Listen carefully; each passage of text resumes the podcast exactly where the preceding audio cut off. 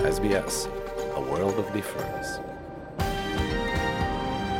You are with SBS Mongolia on mobile, online and on radio.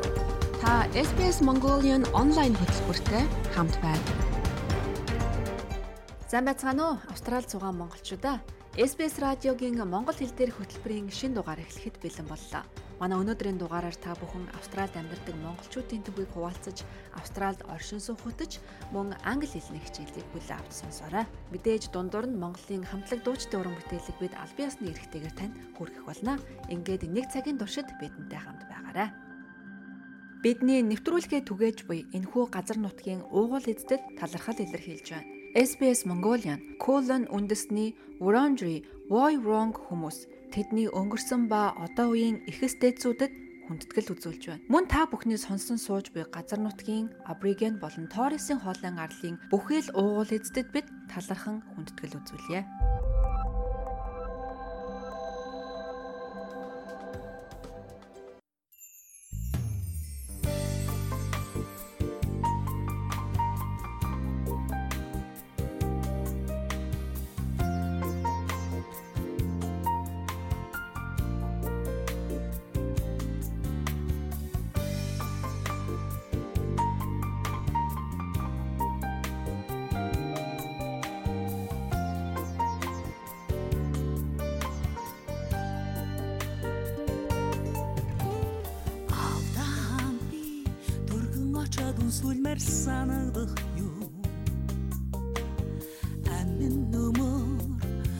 Барагитан санадултан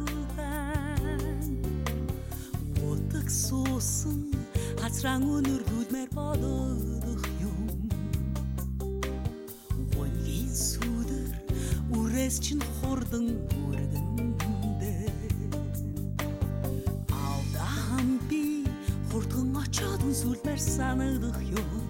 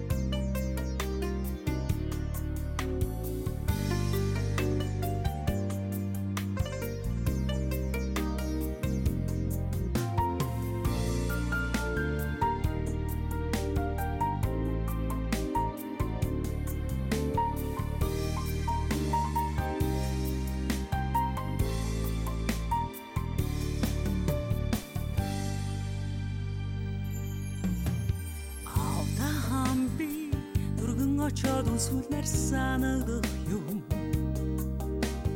Хаштын жаргалт түшгийгтэн уилэдэл бай Тэнгэр авдаан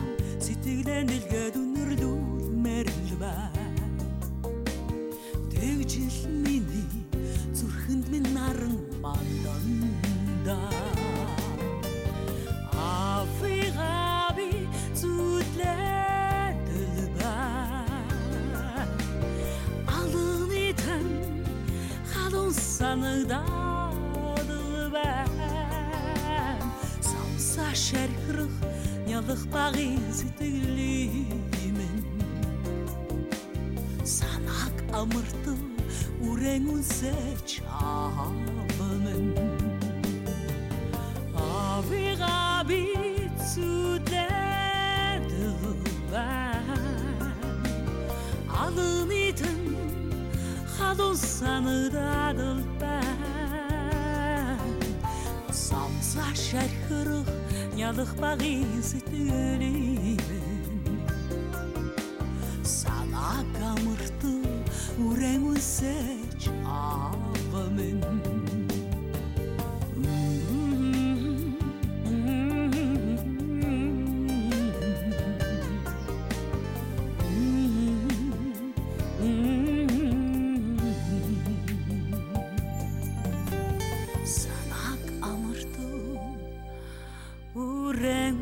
Үсэж авамэн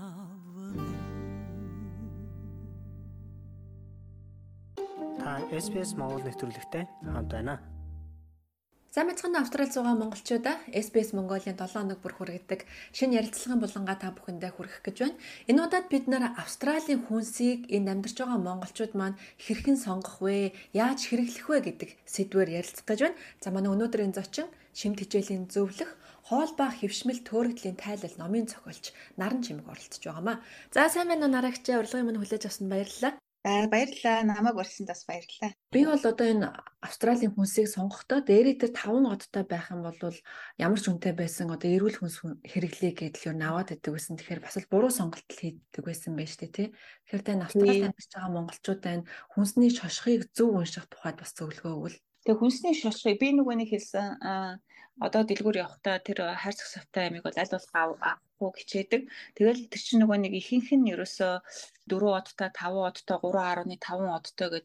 За тэгээд 5 одтой л хамгийн сайн гэж бодоод авч байгаа байхгүй. Тэгээд дараа нь өө эн чинь орцыг унших шаардлагатай байна гэх. Тэгээд 5 одтой хоолны орцыг уншихад чинь аа, ургамлын тос орцсон л байгаа даа байхгүй юу? За тэгэхээр сахаргүй гэдэг ингээд бас байж байгаа. Тэгээ 5 удаа. Сахар гэдэг чинь бид нар ихэнх хүн нөгөө нэг цагаан хар л боддог. Тэгсэн чинь сахар ч ерөөсөө 56 төрлийн сахар байгаа даа байхгүй юу? Тэгэхээр чи нөгөө сахаргүй 5 удаа гэдэг ингээ авчдаг. Тэгсэн чинь сахарын орлуулах чинь сукролоз байж таарж байгаа байхгүй юу? Тэгээ за яг хаяа сукролоз аспартейтыг хэрглэж болно. Тэгээд тэр чинь тэр хоолыг хэр үргэлж идээд давтамжтай идээд байна гэдэг чинь бас л гидснийхаа бактерид нөгөө м, сөргөөр нөлөөлөл байгаа гэсэн. үг. Тэгэхээр чин тэр орцыг л сайн унших хэрэгтэй. Түүнээс тэр од мод нь бол би тэрийг одоо ерөөсөө итгэж байсан. Тий. Та сая нэр дурдчихсан орцсон дээр шүүгэр гэж бичгээсээ гадна бас өөр нэрээр ингээд оруулсан байдаг те. Ямар ямар нэрнүүд нь одоо сахар агуулсан гэсэн үг вэ? Тэгээ орцыг уншиж агаад dextrose да ер нь тэгээ сүүлийнх нь үг нь OSE-гэр төгссөн байх юм бол э, энэ эвгүй сахар орлуулагч байна гэж ойлгох хэрэгтэй. Тэгээ ойлгохгүй үг байх юм бол угаасаа авахгүй. Тийм тэгээд э, тэр чинь эрүүл хоол байх юм бол хүн ойлгомжтой нэр нь тэгээ бэжлээ. Тэгээд э, high fructose corn syrup гэж нэг аюултай зүйл байна. Тэр нь фруктоз ихтэй. Тийм тэгтээ энэ фруктоз ихтэй байна гэдэг чинь фрук- фруктоз чинь бас юу энэ эргийг их хөглүүлдэг зүйл байхгүй юу? Тийм high fructose corn syrup гэдэг үгийг харах юм бол хол явах хэрэгтэй. За тэгээ зүгийн бал чинь бас сахартай орно тий. Зүгийн балыг хүн сайн гэж хэрэглээд идэг нь тэр антиоксиданттай гэдэг ингээд сайн үрслийн эсрэг үйлчлэгээтэйгээд ходоод модоод өвдөхлөө зүгийн бал уугаад идэх чинь буруу байх. Чи антиоксидант чинь зүгийн балд чи аюу бага байдаг штэ. Тэрний оронд антиоксидант хэрэглэх гэдэг байгаа бол нэрсээ идчихсэн дээр байгаа нь тий. Одоо энэ хоолууд чи ер нь мэдээж хүн идэж болно гэж зөвшөөрөгдөл э, дэлгүр зарагдаж байгаа шүү дээ тий. Гэхдээ цаана бид нар чинь бас юу гэж ойлгох вэ гэхлээр эн чинь бас л хүний бизнес тий.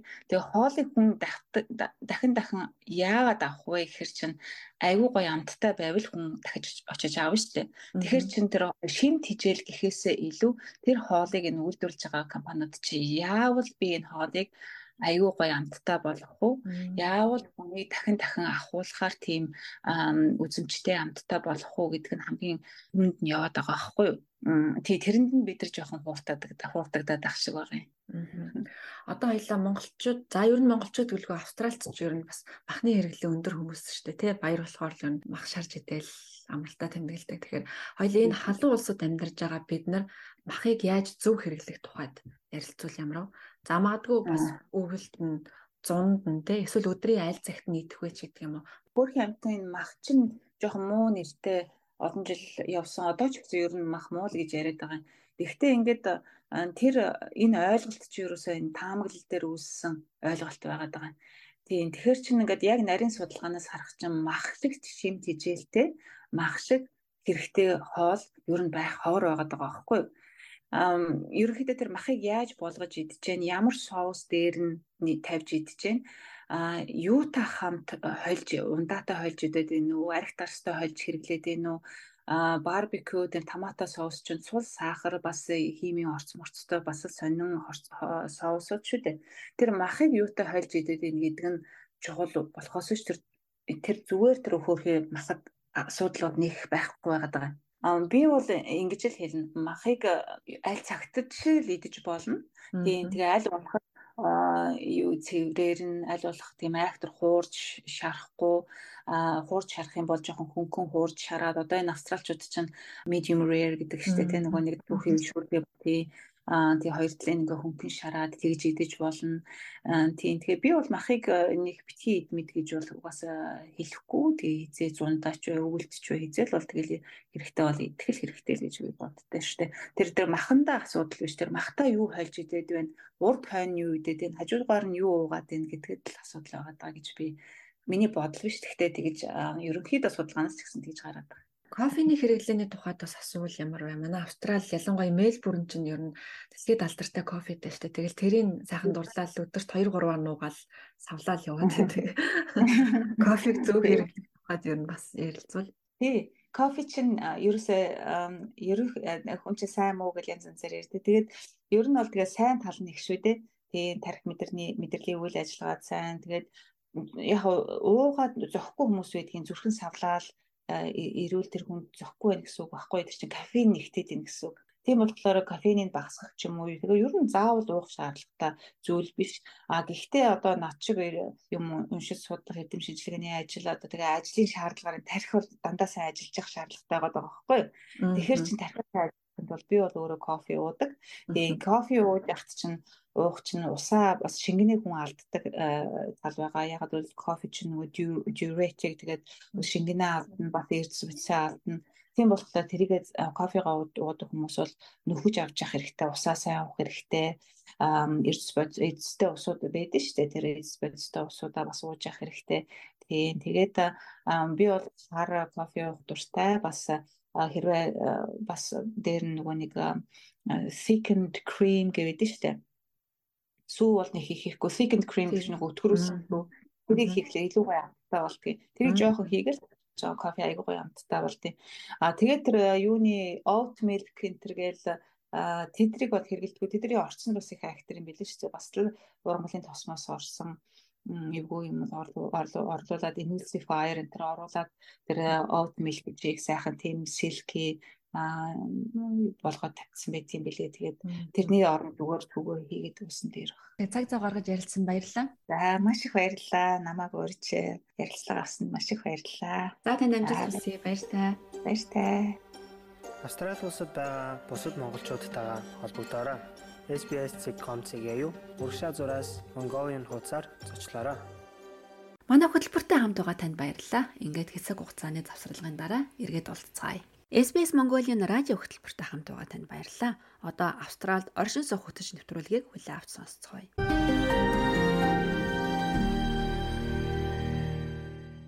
Сайн бацгаана уу? Монголчууд та бүхнийхээ энэ өдрийн амар амгалан айлтгах мэдчилж байна.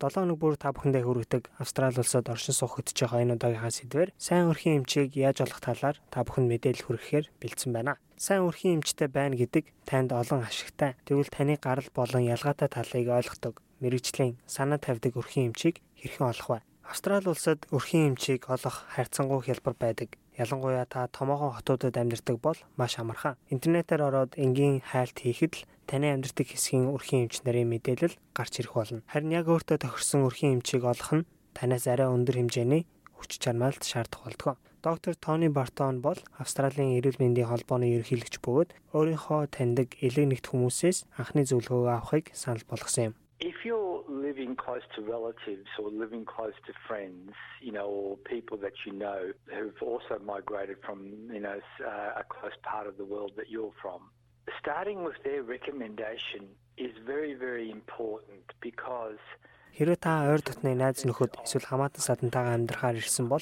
тэдний зөвлөгөөг авах нь маш чухал. Тэний зөвлөгөө болон туршлага таны эхлэх газар болон мэдээллүүдийг танд хүргэнэ. Олж мэдсэн өрхийн эмчийнхаа талаар ойр орчмын хөрш болон таньдаг хүмүүсээс бас асууад үзээрэй. That you never pick up from the brochure until you become part of the fabric. The girls are very friendly. The girls are helpful. There's a nurse there on Mondays and Wednesdays and Fridays. They, you know, they really look after babies well, or they really look after grandparents. Зарим сурталчилгааны материалуудаас бүтэн мэдээлэл авах боломжгүй байдаг. Өөрөө туршиж эсвэл очиж үзэхээс нааш мэдэх боломж бага. Даваа, лаваг, баасан гаригуудад ажилдаг совилогч өрхийн эмч маш сайн юм байна лээ гэсэн мэдээллүүд танд маш чухал. Иймэрхүү яриа болон зөвлөгөөг хаяа сурталчилгааны самбар болон вебсайтаас авах боломжгүй байдаг. Та өөрийнхөө их хэлээр ярьдаг эмчийг ч олох магадлал байдаг. Гэхдээ хэрвээ элэг нэг тэмцээ олж чадахгүй бол бусад улс орны хүмүүсийн соёлыг ойлгож ижил төвшөнд авч үздэг эмчтэр очоорой. Хэрвээ танд орчуулагч хэрэгтэй бол утсаар эсвэл очоод үнэгүй үйлчилгээ аваарай. Энэ тал дээр ямар үйлчилгээ байдаг талаар нэмж асууж болно шүү. Some doctors perhaps might say they're too busy or only schedule appointments at certain times of the day when they need more. Зарим өрхийн эмчнэр хитрхи завгүй байх эсвэл тодорхой нэг цагт л үзэх боломжтой байдаг. Очоос өмнө энэ мэтийг бас судалж аль болох их мэдээлэлтэй очоорой. Өөрийнхөө хэлээр ярьдаг хүнийг олохоос гадна таны соёл заншлыг мэддэг очиход тань ойр эсвэл таны хуваарьт таарсан эмчийг сонгоорой. What you want is one that's been part of the community for a long time, is a part of the community, is closely established with other support services close by. Танд ямар эмчтэр очихоо шийдэхэд туршлагатай таны нийгмийн бүлэгт орж ажиллаж байсан мөн байрлаж байгаа газар нь нийтийн тээвэр болон очиход тань хялбар байх хэрэгтэй. Эдгээр асуудлууд тэдний үйлчлэгийг авахд амар хялбар болгож байгаа юм. Таны өрхийн эмчтэй очиж үзүүлэх явдал асуудалтай байх ёсгүй. Таны урд ямар нэгэн хязгаар бас байх ёсгүй. Бас нэгэн чухал шийдвэр бол үн үртгийн асуудал байдаг. Танд хүргэсэн үйлчлэгээ Medicare буюу даатгалаар төлөгдөх хэсэг нь таны шийдвэрт чухлаар нөлөөлнө. Сама Баласубраманиан бол өрхийн эмчинд ажилд дадлагжиж байгаа хүн бөгөөд тэрээр дөрвөстийн эрүүл мэнд гэсэн мэрэгчлэр баруун Сиднейд ажилладаг юм байна. Тэрээр эмнэлэгт очихоос өмнө тухайн газар зөрүү төлбөр буюу gap fee авдаг эсхийг лавлаараа хэмээн хэллээ. If there is a gap, the important thing to ask is how much the gap is or how much is out of pocket. How are future consultations noted? And we know that for some clinics may charge a gap for the first couple of consults. They may not do it for children. They may not do it for over 65. Хэрэг зөрүү төлбөр байгаа бол хичнээн хэмжээтэй болохыг асууж лавлах хэрэгтэй. Таны халааснаас хідэн гарч хідэн даатгалаас гарахыг нарийн лавл мөн дараа дараагийн үзлэг ямар байдлаар явахыг асуугаарай. Яг тэгвэл бид зарим эмнэлгүүд эхний 1 2 үдлэгтээ зөрүү мөнгө авдгийг мэднэ. Хүүхдүүдээс авахгүй байж магад зарим нөхцөл байдлуудад энэхүү зөрүү нэмэлт төлбөрийг төлөх шаардлагагүй байдаг. Үүнийг эмчтэйгээ шууд ярих хэрэгтэй. Хэрвээ таны төсөв хязгаартай бол bulk bill clinic буюу зөрүү төлбөр авдаггүй эмнэлгүүд хамгийн зөв сонголт тань болж магадгүй. Харин зарим нөхцөлд жишээлбэл гэр оронтойгоо ойр эмнэлэг бол энэхүү gap fee-ийн төлөөд үзүүлчихсэн амар хэлбэр байж магадгүй. Тухайн эмнэлгийнхаа вебсайт дээрээс мэдээлэлээ сайн цуглуулаарай. Хэрвээ ойлгомжгүй зүйл байвал шууд утастад асуугаарай хэмээн доктор Тони Бартон хэлж байлаа.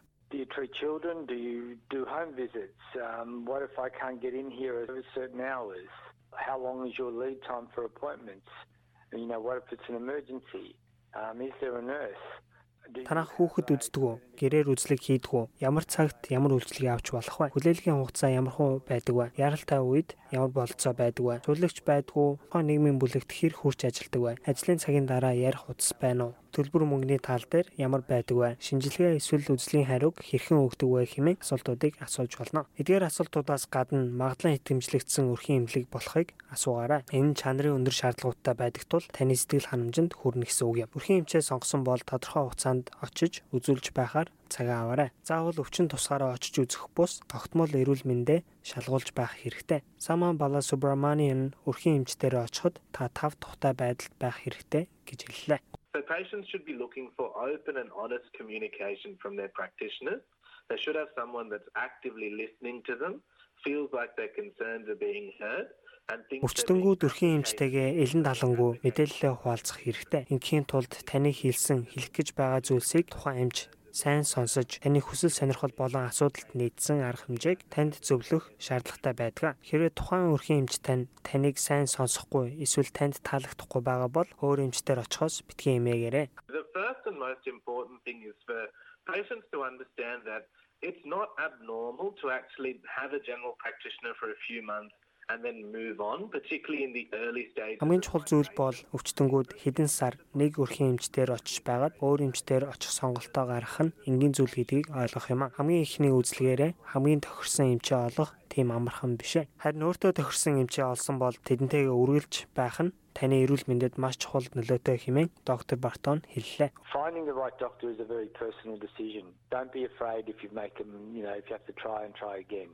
But when you make a relationship, Өөртөө тохирсон эмчийг олох нь таны амин хувийн хэрэг юм а. Сонголтоо өөрчилж дахин дахин туршиж үзэхээс битгий санаа зовоорой. Харин өөртөө тохирсон эмчээ олсон бол чадах хэмжээгээрээ тухайн хүнтэй харилцаа үүсгэж үргэлж тэр хүн дээр очихыг бодоорой. Энэ бол таны эрүүл мэндтэй гаргах бас нэгэн чухал шийдвэр юм а. За дараагийнхаа сэдвээр та бүхэнтэйгээ тун удахгүй уулзцаая. Тэр болтол та бүхэнд амжилт хүсье. SBS A World of Difference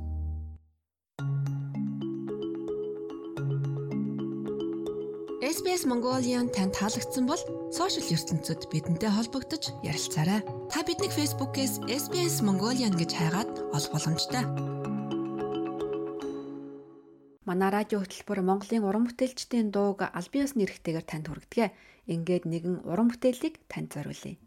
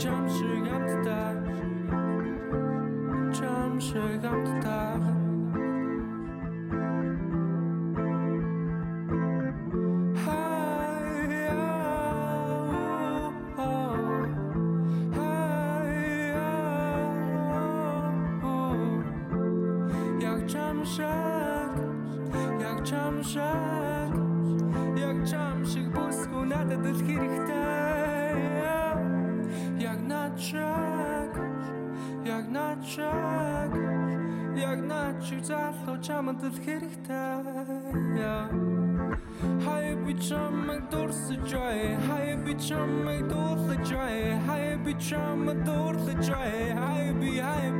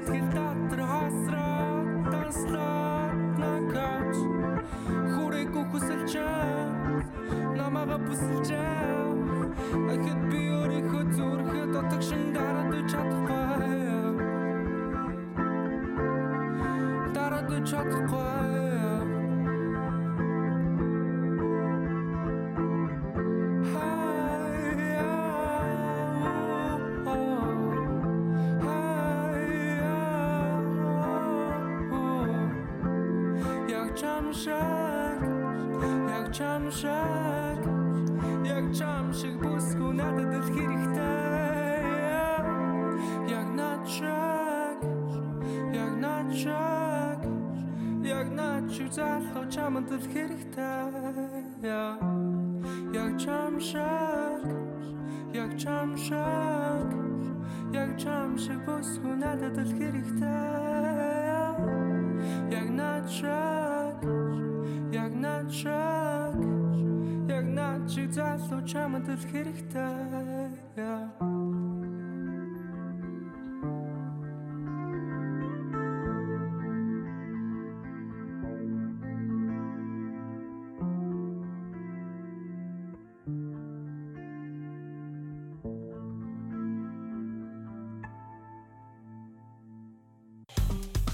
Apple Podcast дээр манай нэвтрүүлэгт үнэлгээ өгнө үү? Энэ манай нэвтрүүлгийг хайж олоход бусдад бас туслах юм. Та SBS Монгол нэвтрүүлэгтэй хамт байна. SBS Mongolian радио оршин суух хөтөж булангийн шин дугаараар Австральд түрээсийн байрыг олох тань туслах мэдээллийг хуваалцах гэж байна. Одоогийн байдлаар Австральд 50 мянган гаруй түрээсийн байр эзнээ хүлээж байна. Гэхдээ 2 жилийн өмнө энэ тоо бараг 2 дахин их байсан юм а. Сул байрны тоо өмнө нь хизэж байгаагүйгээр цөөрсөн тул түрээсийн байр болох улам бүр амаргүй болсоор байна. Байрны олдоц муутай энэ үед түрээсийн байр хаахта ажилд орох ярилцлага шиг нухацтай хандах ёстой. Энэ бол Австралийн хамгийн том түрээсийн байрны зар оруулдаг сайт болох rent.com.au сайтын гүйцэтгэх захирал Грег Бардрийн зөвлөгөө юм. Тэрээр үйл хөдлөх хөрөнгө олоход тулгардаг бэрхшээлүүдийг инхүү тайлбарлаж байна. Um, Зарим агентлагууд э, түрээслэгчд нь залуу хүн байхыг илүүд үздэг. Зарим нь гэр бүлүүдийг илүүд үздэг. Харин гадаад улсаас ирж байгаа шинэ хүмүүс байр түрээслэхэд хэд хэдэн нэмэлт саад бэрхшээлтэй тулгардаг. Үл хөдлөх хөрөнгийн зуучлагчид тэднээс орлогоо батлах баримт бичгүүд, ажил эрхлэлтэд баталгаажуулах гэх мэт ерөнхий шаарддаг хэд хэдэн материалууд бий. Үүн дотроос хамгийн чухал нь өмнө нь байр түрээсэлж байсан түүх юм. Тийм ээ. Хэрвээ та энэ улсад шинээр ирж байгаа бол танд ийм зүйл байхгүй нь ойлгомжтой.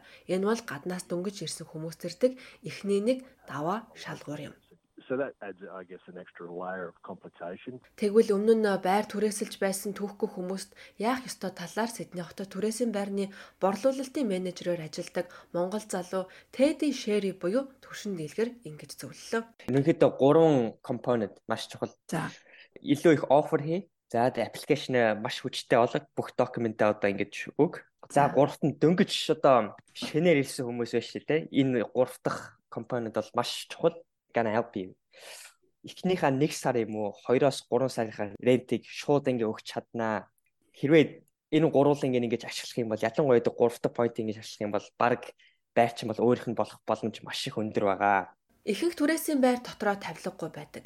Нэг жилийн хугацаатай түрээсийн гэрээ байгуулах бөгөөд энэ хугацаагаа сунгаж болдгоо. За иймэрхүү байрны зарыг ер нь үл хөдлөх хөрөнгийн realestate.com.au болон domain.com.au, rent.com.au зэрэг түрээсийн сайтуудад зарыг нь байршуулсан байдаг. За энд уг байрыг хизээ үзэж болох мөн ямар үнэтэй түрээслэх гэх мэт мэдээллийг нь давхар оруулдаг. Та байрыг заасан тодорхой цагт очиж үзэх боломжтой. Гэхдээ ердөө 10-аас 15 минутад л үзэх хугацаа өгдөг бөгөөд амралтын өдрүүдэд илүү олон байр үзэх цаг гардаг юм а. Австрали даяар 800 гаруй мянган үл хөдлөх хөрөнгийн агентлаг ажилладаг. Гэхдээ эдгээр агентлагуудыг байрыг түрээслэх хүсэлтийг хүлээж авах явц ерөнхийдөө ижил байдаг хэмээн Ноён Баатар ярьж байна. We don't have uniform rules or legislation across the entire country. За бидэнд улс даяар нэгдсэн дүрм журам хууль тогтоомж байхгүй. Гэхдээ ихэвчлэн танд паспорт, жолооны үнэмлэх гэх мэт зурагтай иргэний бичиг баримт хэрэгтэй болно. Ажил эрхлэлт, орлогын баталгаа, магадгүй танд түрээсээ төлчих хэмжээний мөнгөтэй Австралийн банкны данс хэрэгтэй болж болно. Өмнөх түрээслэгчээс авсан тодорхойлолт түрээсийн түүх бол маш том зүйл юм. Эдгээр нь зайлшгүй шаардлагатай эхний материалууд. Character references. So they're the normal things that are required. Таны материалуудыг агентлагууд хяндаг тул та хизээд бэлэн байх нь зүйтэй.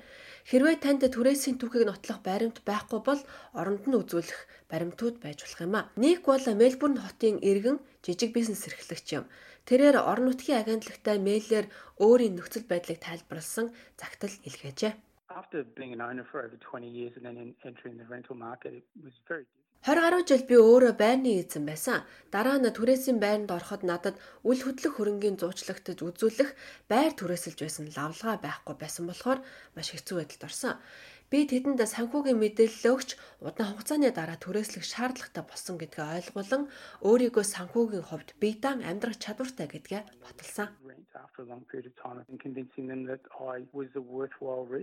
Нэг хувийн бизнес эрхэлдэг тул орлогын нотлох баримт болгон татврын тайлангаа гаргаж өгөх боломжтой байсан юм байна. Ноён Бартер хэлэхдээ ийм байдлаар агентлагуудтай шууд холбогдох нь том түлхэц болдог гэлээ. Хүмүүс амьдрахыг хүсэж байгаа газараа судлаж тухайн газрынхаа үл хөдлөх хөрөнгийн агентлагуудтай холбоо барьж 7 хоногийн дундуур агентлаг дээр биеэр очиж уулзах нь илүү ихтгэл үнэмшил төрүүлдэг. Байрыг очиж үзэх үеэр өөрийгөө танилцуулах, харилцаа холбоо тогтоох нь цаг үнэхээр байдаггүй тул 7 хоногийн дундуур явж очиод тэр хүнтэй ярилцаж өөрийнхөө талаар бага цаг тайлбарлах боломжийг ашиглаарай. Энэ үнэхээр тусалж чадна what you're looking for, a little bit about yourself, you're excited, all those sort of things can really help.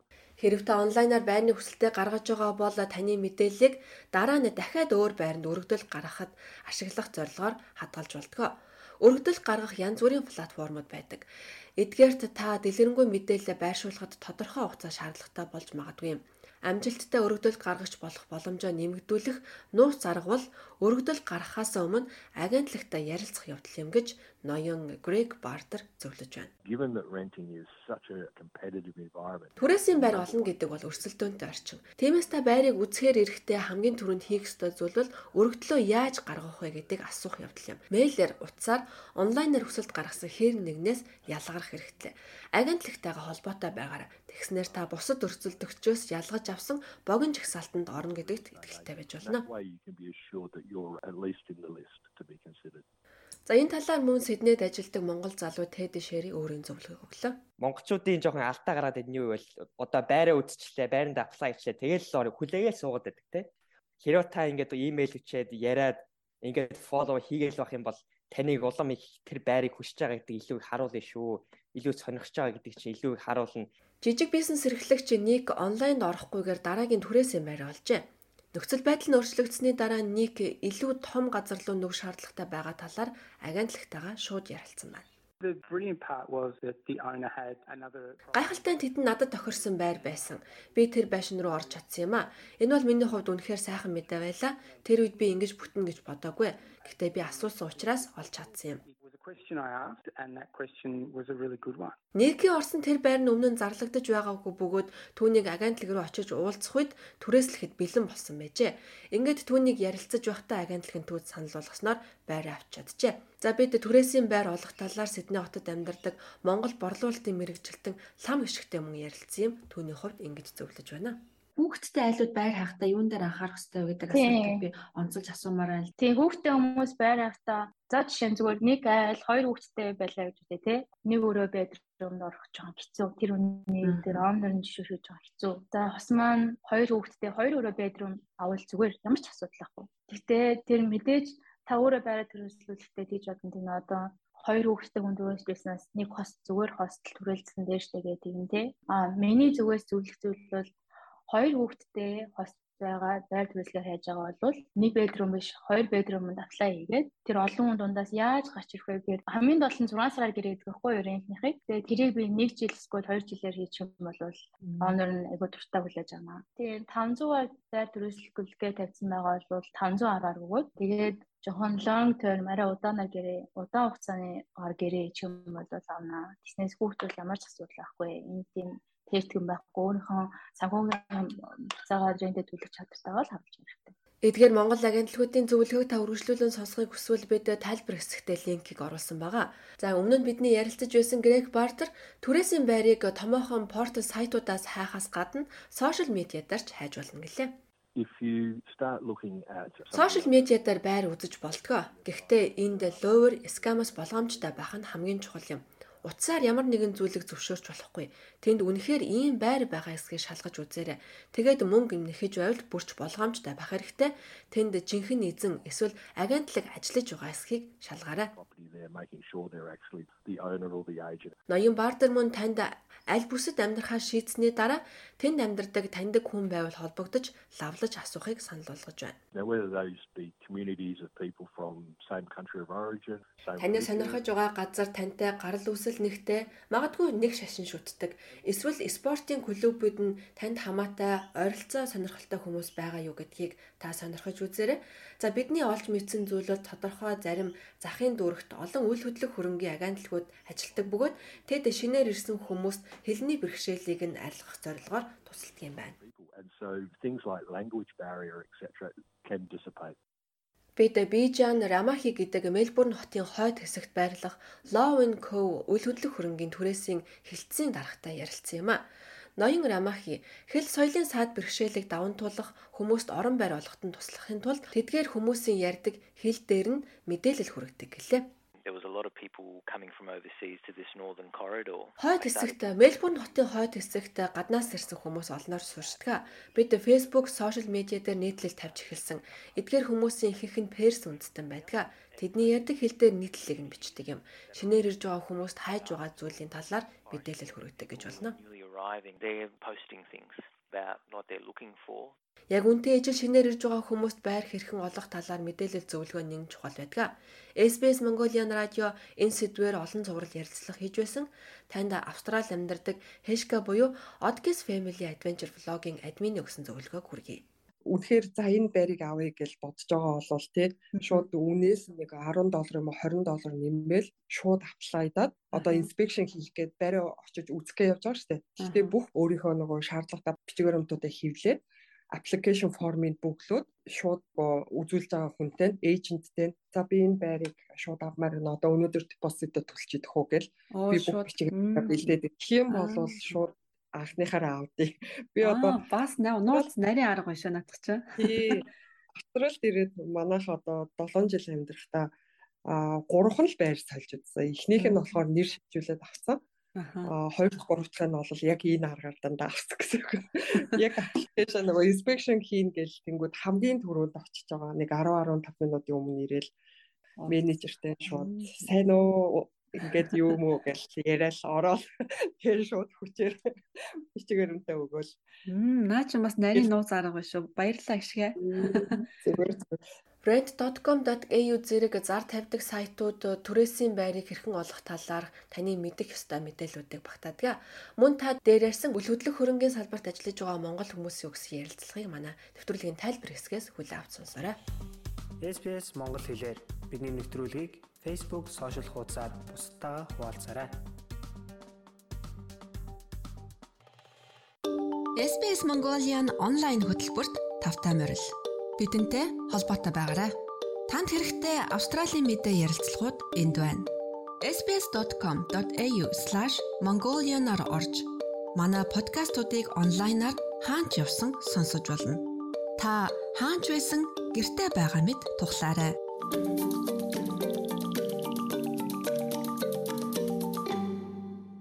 Одоо та бүхэн Австралийн амьдралын хэм маягаас суралцаж англи хэлээ сайжруулах боломж олгодог SBS Learning English нэвтрүүлгийн шин дугаарыг хүлээн авч сонсноо.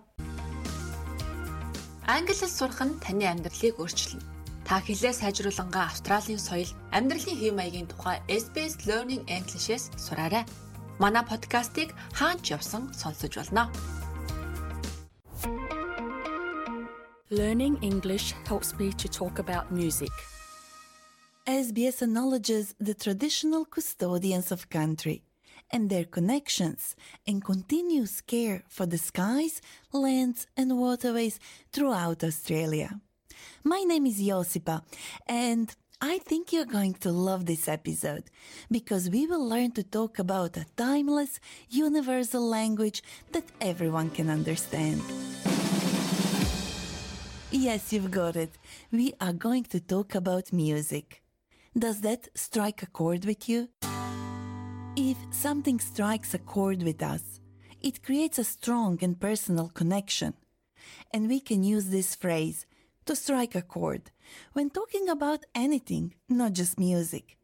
We can use it when experiences or words really touch us and bring back memories or familiar feelings, just like a beautiful chord, a group of notes played on a musical instrument.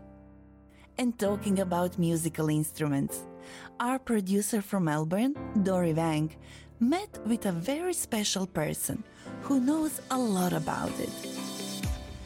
My name's Ben. I am a professional conductor of orchestras and I'm the principal conductor in residence at the Melbourne Symphony Orchestra. So that's my that's my main job here in Melbourne. Hmm, ben sounds fun, and I can't wait to hear what a professional conductor really does. I'm sure there's more to his job than just waving his hands in front of an orchestra. We'll hear from him and Dory later. Now it's time for us to expand our English skills and practice phrases that can help us talk about music. As you will hear, Alan and Claire have hit the right note. That is, they have done something exactly right. They have prepared a set of phrases that fits perfectly with our topic today. The phrase, to hit the right note, means to do or say something that is exactly appropriate for a particular situation. Let's first hear how they're talking about going to see a live performance.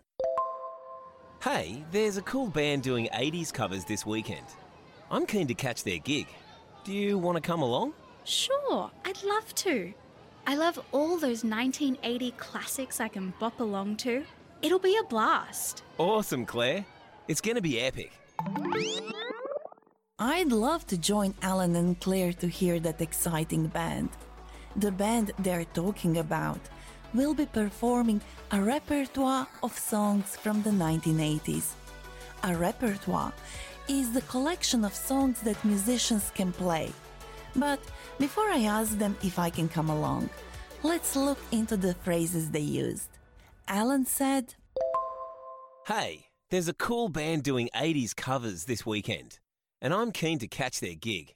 80s covers are songs that were popular in the 1980s that are being performed or recorded by a different artist or band. In music, a cover is a new interpretation of an existing song performed by a different artist or group. Alan also said, I'm keen to catch their gig. If you are keen to catch a gig, you really want to go to a concert. You're very eager to attend. A gig is a live performance by a musician or group. But it can also mean a temporary, often informal job. For example, if I have just started a casual job uh, delivering food, I could say, I've started doing some food delivery gigs. But let's go back talking about music. A gig is usually used for bands, while concert is often used for classical music, theater, and musicals. Claire said, Sure, I'd love to. I love all those 1980 classics I can bop along to. It'll be a blast.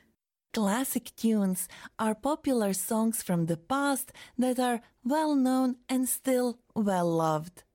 To bob along to music means to dance along in time to the music. It'll be a blast. If you are having a blast, you are having a great time. Now let's hear how Alan and Claire talk about contemporary music. That is, music that is currently being created and played. Hey, mate, have you heard that new album by Tash Sultana? Yeah, I gave it a listen. I love it. It's got such a chilled vibe. Perfect for a lazy Sunday Arvo. Totally agree. I'm really into them. Plenty to learn from this dialogue, so let's go straight to work. Claire said, Hey, mate, have you heard that new album by Tash Sultana? This is a casual way of asking someone if they are aware of or have listened to a recently released album, a collection of songs, by an artist called Tash Sultana. Yeah, I gave it a listen. It's got such a chilled vibe. Perfect for a lazy Sunday Arvo. If something has a chilled vibe, it is very calming and relaxed. and when something is perfect for a lazy Arvo, it is an ideal fit for a leisurely Sunday afternoon when people often want to relax. Totally agree. I'm really into them. If you're really into something, you really like it a lot. Contemporary music is modern and reflects current trends and styles, from K pop and rock to Indian electronic, and so much more. Contemporary music is constantly evolving. Classical music, in contrast, has stood the test of time. This means that although it was written in the past, people still love it and still listen to it.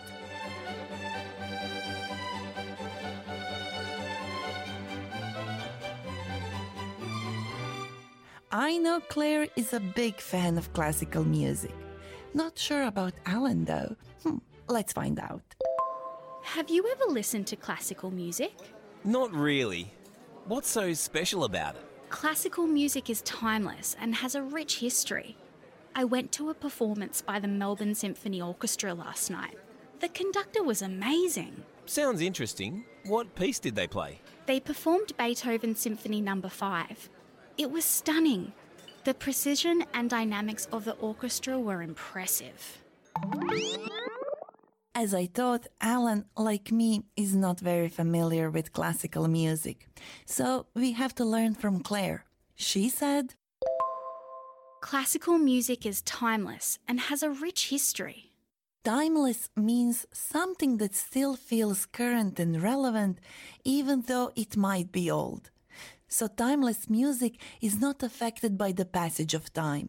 People still love to listen to it, even though it was written a long time ago. We can say it has stood the test of time. So, when talking about music, we can say that a piece of music is timeless if people still listen it and enjoy it even though it was written a long time ago. Alan then asked Claire, What piece did they play? In music, a piece is an individual song or composition. And do you know the difference between a song and composition? Songs typically include lyrics. That is, they have words that are meant to be sung with vocals. If a piece has vocals, it means that someone is singing. Songs usually have a melody, and lyrics can sometimes tell a story. But we can use the word composition to refer to any type of musical work, whether or not it has lyrics. If it doesn't have any, we can call it an instrumental piece.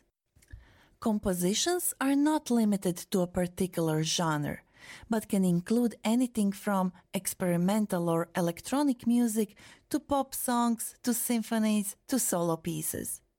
Symphonies are larger musical pieces written for and usually played by a full orchestra, while solos are musical performances by a single instrument or voice. Claire said she went to the Melbourne Symphony Orchestra's performance of.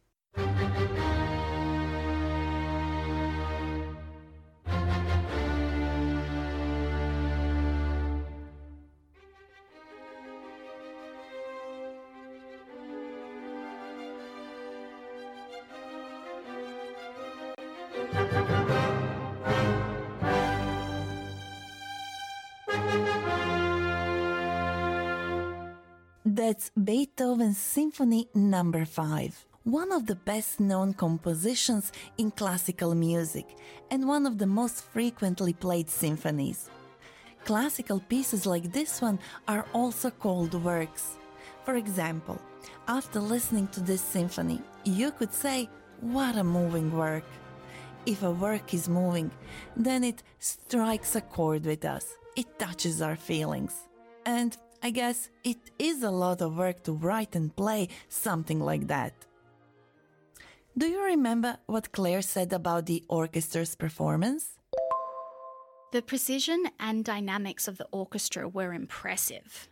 This means that the orchestra played with great accuracy and control, and that their ability to vary how loud and softly the instruments played was impressive. This is very important when so many artists are playing together in an orchestra, and it is often the conductor who makes all the difference because he or she are conducting and directing how the different instruments are played. Our superstar producer Dory Wang spoke to Melbourne Symphony Orchestra's principal conductor in residence, Ben Northey. This is what she asked him first. What does a conductor really do? Well, it's weird, isn't it? Because people might see a conductor on TV or um, in a movie and they're just waving their arms around in front of an orchestra and everyone thinks what what are they doing? What's going on? How is that possibly making a difference to the music? Because it does look kind of weird i have to say. Um, but there's a language that we're using that's non-verbal. You know, it's interesting talking to your audience about this because it's about body language, and that's a big part of communication, isn't it? You know, and, and conductors, we communicate without words all the time. So my job with the musicians, and sometimes I'm standing in front of an orchestra of a hundred musicians together, and and they have to make music um, as one thing, as one orchestra, not a hundred individuals. And to do that, sometimes they need a conductor to follow. So I'm like a unifier. I'm I'm somebody who brings the orchestra together. Um, I do that by giving them the tempo or the speed of the music. So with my right hand, I'm beating time. So I mark the beats of a bar. So if the music is big, big, big, big, I show this with the beats of my right hand. And then I can also show many other things that affect the way they play, such as um, the dynamics, like the, the the louds and the softs of the music, um, all kinds of different um, articulations of notes, so shorts and longs and smooth and you know kind of angle, uh, the phrases, or all kinds of things you can show as a conductor. I tell you with one thing I would say going to a live concert is different than listening to music on your on your device because you're sharing the experience with other people at the same time. So that collective experience of of hearing the music together and feeling the same things perhaps at the same time and just seeing musicians make music in real time it's Mm. a totally different thing you know seeing how the how music is made like when we have children for example come Mm. along and see the orchestra for the first time. Some of them have never understood how the sounds are made. They don't understand there's people behind those instruments. Uh, and that's the best thing about music. Mm, it's the it's the humanity of the music. It comes through the instrument. Yeah. and then we're communicating with each other as human beings.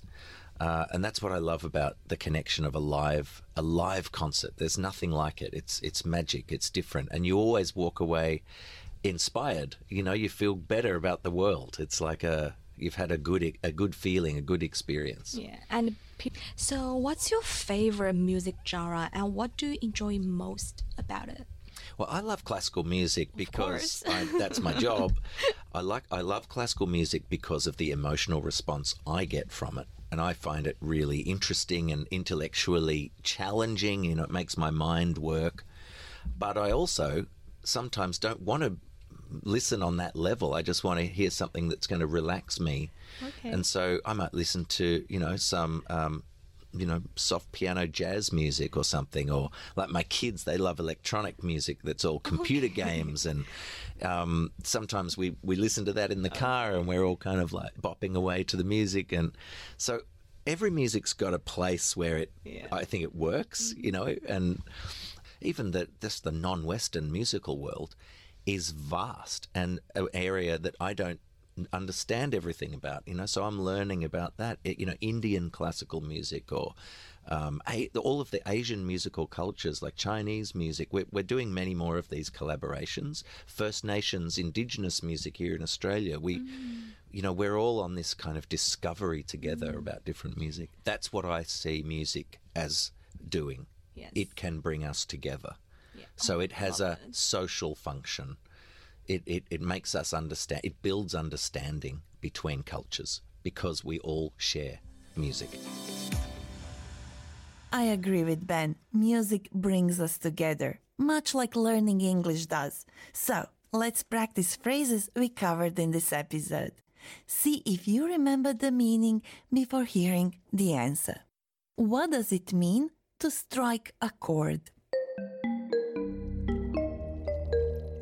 To strike a chord means to strongly connect with someone's emotions or experiences. What does it mean to hit the right note? To hit the right note means to do or say something that's exactly appropriate or well suited for a particular situation. You can join me now in repeating after Claire and Alan phrases we can use when talking about contemporary music. Hey, there's a cool band doing 80s covers this weekend.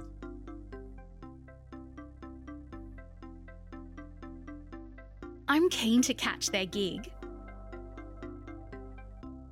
I love all those 1980 classics I can bop along to. It'll be a blast.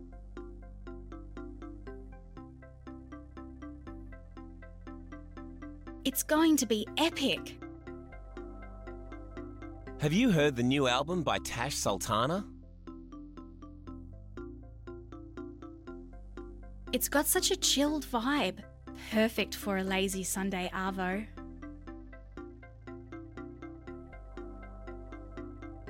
I'm really into them. We also covered some phrases to talk about classical music. Classical music is timeless and has a rich history. I went to a performance by the Melbourne Symphony Orchestra last night.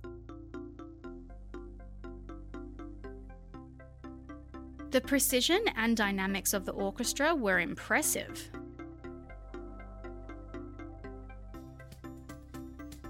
The conductor was amazing. What a moving work!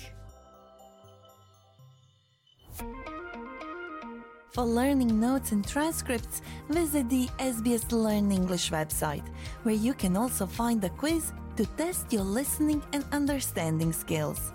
And if you want to get in touch with us, reach out on Facebook. We are SBS Learn English. I'm Josipa. Thank you for learning English with me.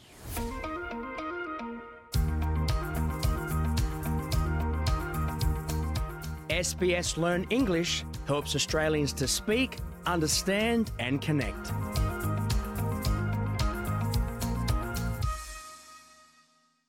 SBS радиогийн Монгол хэл дээрх хөтөлбөртэй хамт байсан танд баярлалаа. Ирэх 7 хоногийн пүрэв гарагт 2 цагт эргээд уулзцагаая. Түр баяртай. Örgün çün